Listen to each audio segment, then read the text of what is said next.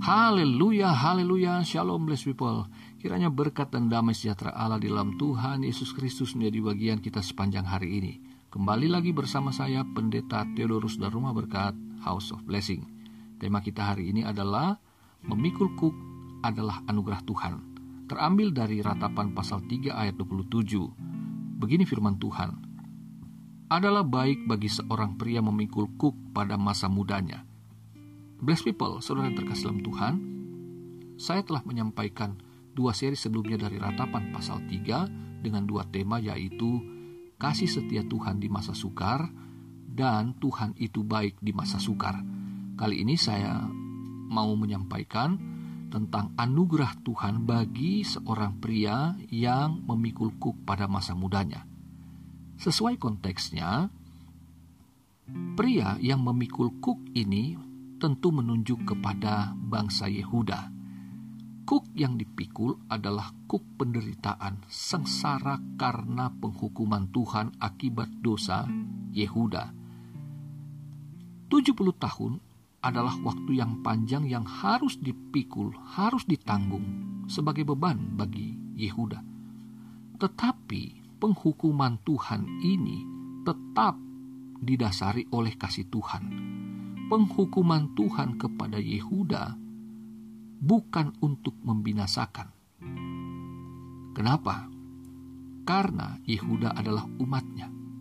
Bangsa-bangsa yang tidak mengenal Allah itu dihukum dalam arti dibinasakan. Tapi Yehuda didisiplinkan supaya mereka belajar dari kesalahan dan mau belajar untuk memperbaiki diri sehingga mereka menjadi dewasa dan akhirnya kembali beriman dan setia kepada Tuhan.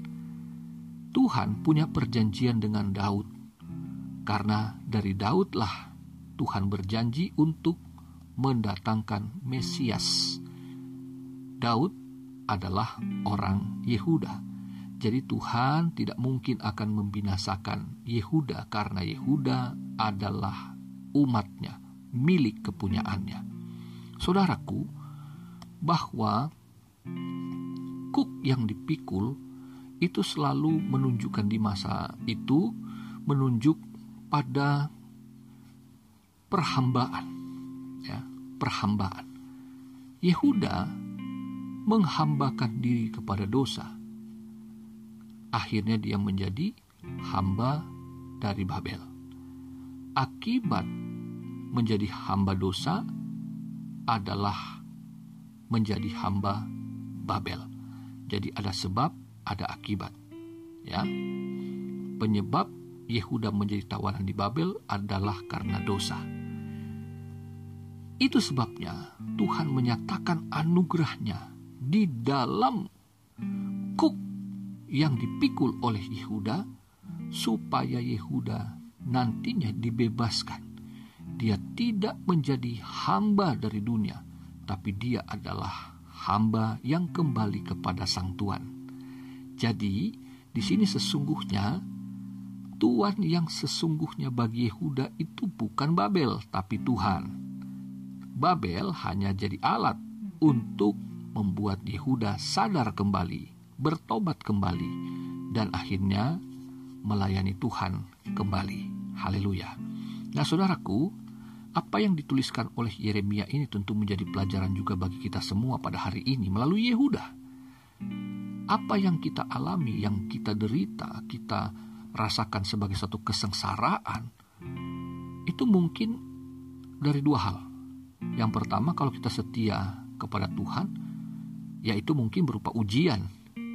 Tapi kalau kita karena dosa, karena hidup seenaknya jauh dari Tuhan, maka penderitaan kesengsaraan itu jangan-jangan penghukuman dari Tuhan. Tapi ingat, kalau kita yang sudah di dalam Kristus dikatakan tidak ada penghukuman dalam arti tidak dibinasakan, tapi kita sebagai anak-anak yang dikasihi, bukan anak-anak gampang, tentu kita akan didisiplinkan. Ibarat eh, penghukuman zaman dulu ya dipukul dengan rotan begitu ya. Zaman saya dipukul pakai gesper oleh guru, oleh orang tua saya supaya saya kembali belajar untuk disiplin. Nah, saudara yang terkasih, Ada beberapa hal yang dapat kita pelajari dari tulisan Yeremia ini.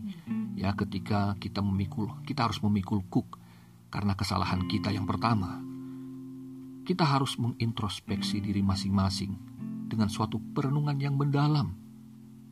Memohon Roh Kudus untuk menyingkapkan semua ketidakbenaran kita yang mungkin selama ini tidak kita sadari. Nah, ini ada di ayat 28, saudaraku biarlah ia duduk sendirian dan berdiam diri kalau Tuhan membebankannya. Ah, ternyata saudaraku, derita dan sengsara karena dosa itu pun dikatakan baik adanya kalau kita menanggungnya karena Tuhan yang membebankannya. Tuhan yang mengasihi kita membebankan ini supaya kita belajar untuk tidak menyalahkan keadaan, tidak menyalahkan orang lain, tidak menyalahkan siapa-siapa. Berdiam diri saja, artinya duduk kaki Tuhan memohon, Tuhan menyingkapkan, sehingga kita dapat mengevaluasi diri, dan pada akhirnya kita sadar, oh, kita mengalami ini karena dosa kita kepada Tuhan. Maka yang kedua, ketika kesalahan kita itu disingkapkan, maka perlulah kita menyesalinya dan memohonkan pengampunan Tuhan sehingga ada harapan untuk diampuni dan dipulihkan oleh Tuhan. Itu dia 29 Saudara. Biarlah ia merebahkan diri dengan mukanya dalam debu, mungkin ada harapan. Nah, jangan seperti Adam dan Hawa sudah ketahuan melanggar firman Tuhan, melawan Tuhan, eh tak mengaku. Di hadapan Tuhan mereka tuding-tudingan, mempersalahkan satu dengan yang lain, mencari kambing hitam dan membenarkan diri sendiri. Ini jangan ada pada kita kalau kita salah ngaku saja. Alkitab mengatakan Tuhan begitu baik. Dia memberikan kesempatan kepada Yehuda 70 tahun itu supaya mereka belajar. Belajar untuk tidak melakukan kesalahan yang sama lagi. Ada waktu untuk bertobat. Nah, kita saat ini juga begitu.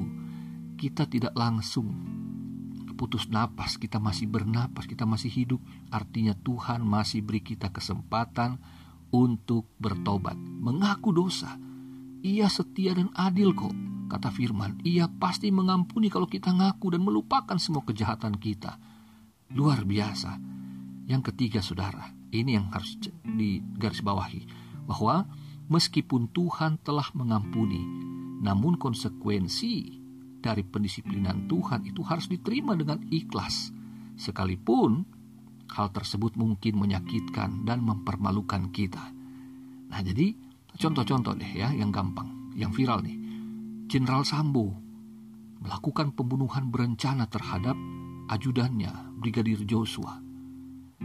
Ia dipenjara di hadapan hakim dia bilang saya sudah mengaku dosa kepada Tuhan, saya sudah bertobat, saya saya percaya saya sudah diampuni oleh Tuhan. Ya benar, tapi itu tidak melepaskan dia dari hukuman hakim bukan? Dia tetap akan dihukum penjara bahkan terancam hukuman mati karena pembunuhan berencana. Dan bukan hanya itu, ia membawa keluarga besarnya dipermalukan. Anak-anaknya menjadi terhina, menjadi orang-orang yang dipermalukan luar biasa. Bahkan ia menyeret begitu banyak anak buahnya, baik perwira maupun bintara, dan seterusnya. Ia menyeret mereka ke dalam kesalahannya. Mereka harus menanggung dosa, dipecat, dan juga dihukum penjara. Luar biasa konsekuensinya. Jadi hati-hati saudara, ketika kita berpikir, ketika kita berkata-kata, ketika kita merencanakan, maka kita harus berhati-hati ketika memutuskan sebuah tindakan. Akibatnya besar sekali. Saudaraku, apa yang Yeremia sampaikan bahwa di balik penghukuman itu selalu ada anugerah Tuhan yang disertai juga dengan belas kasihannya. Nah ini kita dapat lihat ya bahwa di ayat 31 dikatakan karena tidak untuk selama-lamanya Tuhan mengucilkan. Nah itu berarti hukuman Tuhan ada batasnya. Kasihnya itulah yang untuk selama-lamanya. Haleluya. Yang kedua dikatakan di ayat 32 karena walau ia mendatangkan susah, ia juga menyayangi menurut kebesaran kasih setianya. Jadi saudaraku, hukuman Tuhan selalu didasari oleh kebesaran kasih setianya, bukan kebenciannya. Ya, ini harus dicamkan buat kita juga. Dan di ayat 33 dikatakan, karena tidak dengan rela hati yang menindas dan merisaukan anak-anak manusia. Jadi hukuman Tuhan itu bukan untuk membuang umatnya untuk selamanya. Juga itu tidak pernah didasari dari hati yang dendam. Penghukuman Tuhan murni karena kasihnya kepada umat. Ya, jadi saudaraku ini harus menjadi pelajaran bagi kita semua. Tapi meskipun anugerah Tuhan begitu besar bagi kita, tapi sebagai umat perjanjian baru kita harus ingat bahwa kita tidak boleh hidup sembarangan lagi ketika di bawah kasih karunia Kristus. Kasih karunia Allah dalam Kristus maksud saya. Kita bukan hamba dosa, tapi kita hamba Tuhan, hamba Allah. Seluruh anggota tubuh kita dikatakan adalah milik Kristus, milik Allah. Jadi harus dipergunakan untuk mempermuliakan Allah. Sehingga kita tidak di bawah kuasa dosa, tapi di bawah, kuasa kasih Allah. Demikianlah firman Tuhan, renungan firman Tuhan pada hari ini. Tuhan Yesus mengasihimu, Tuhan Yesus memberkatimu. Selamat beraktivitas. Haleluya bless people.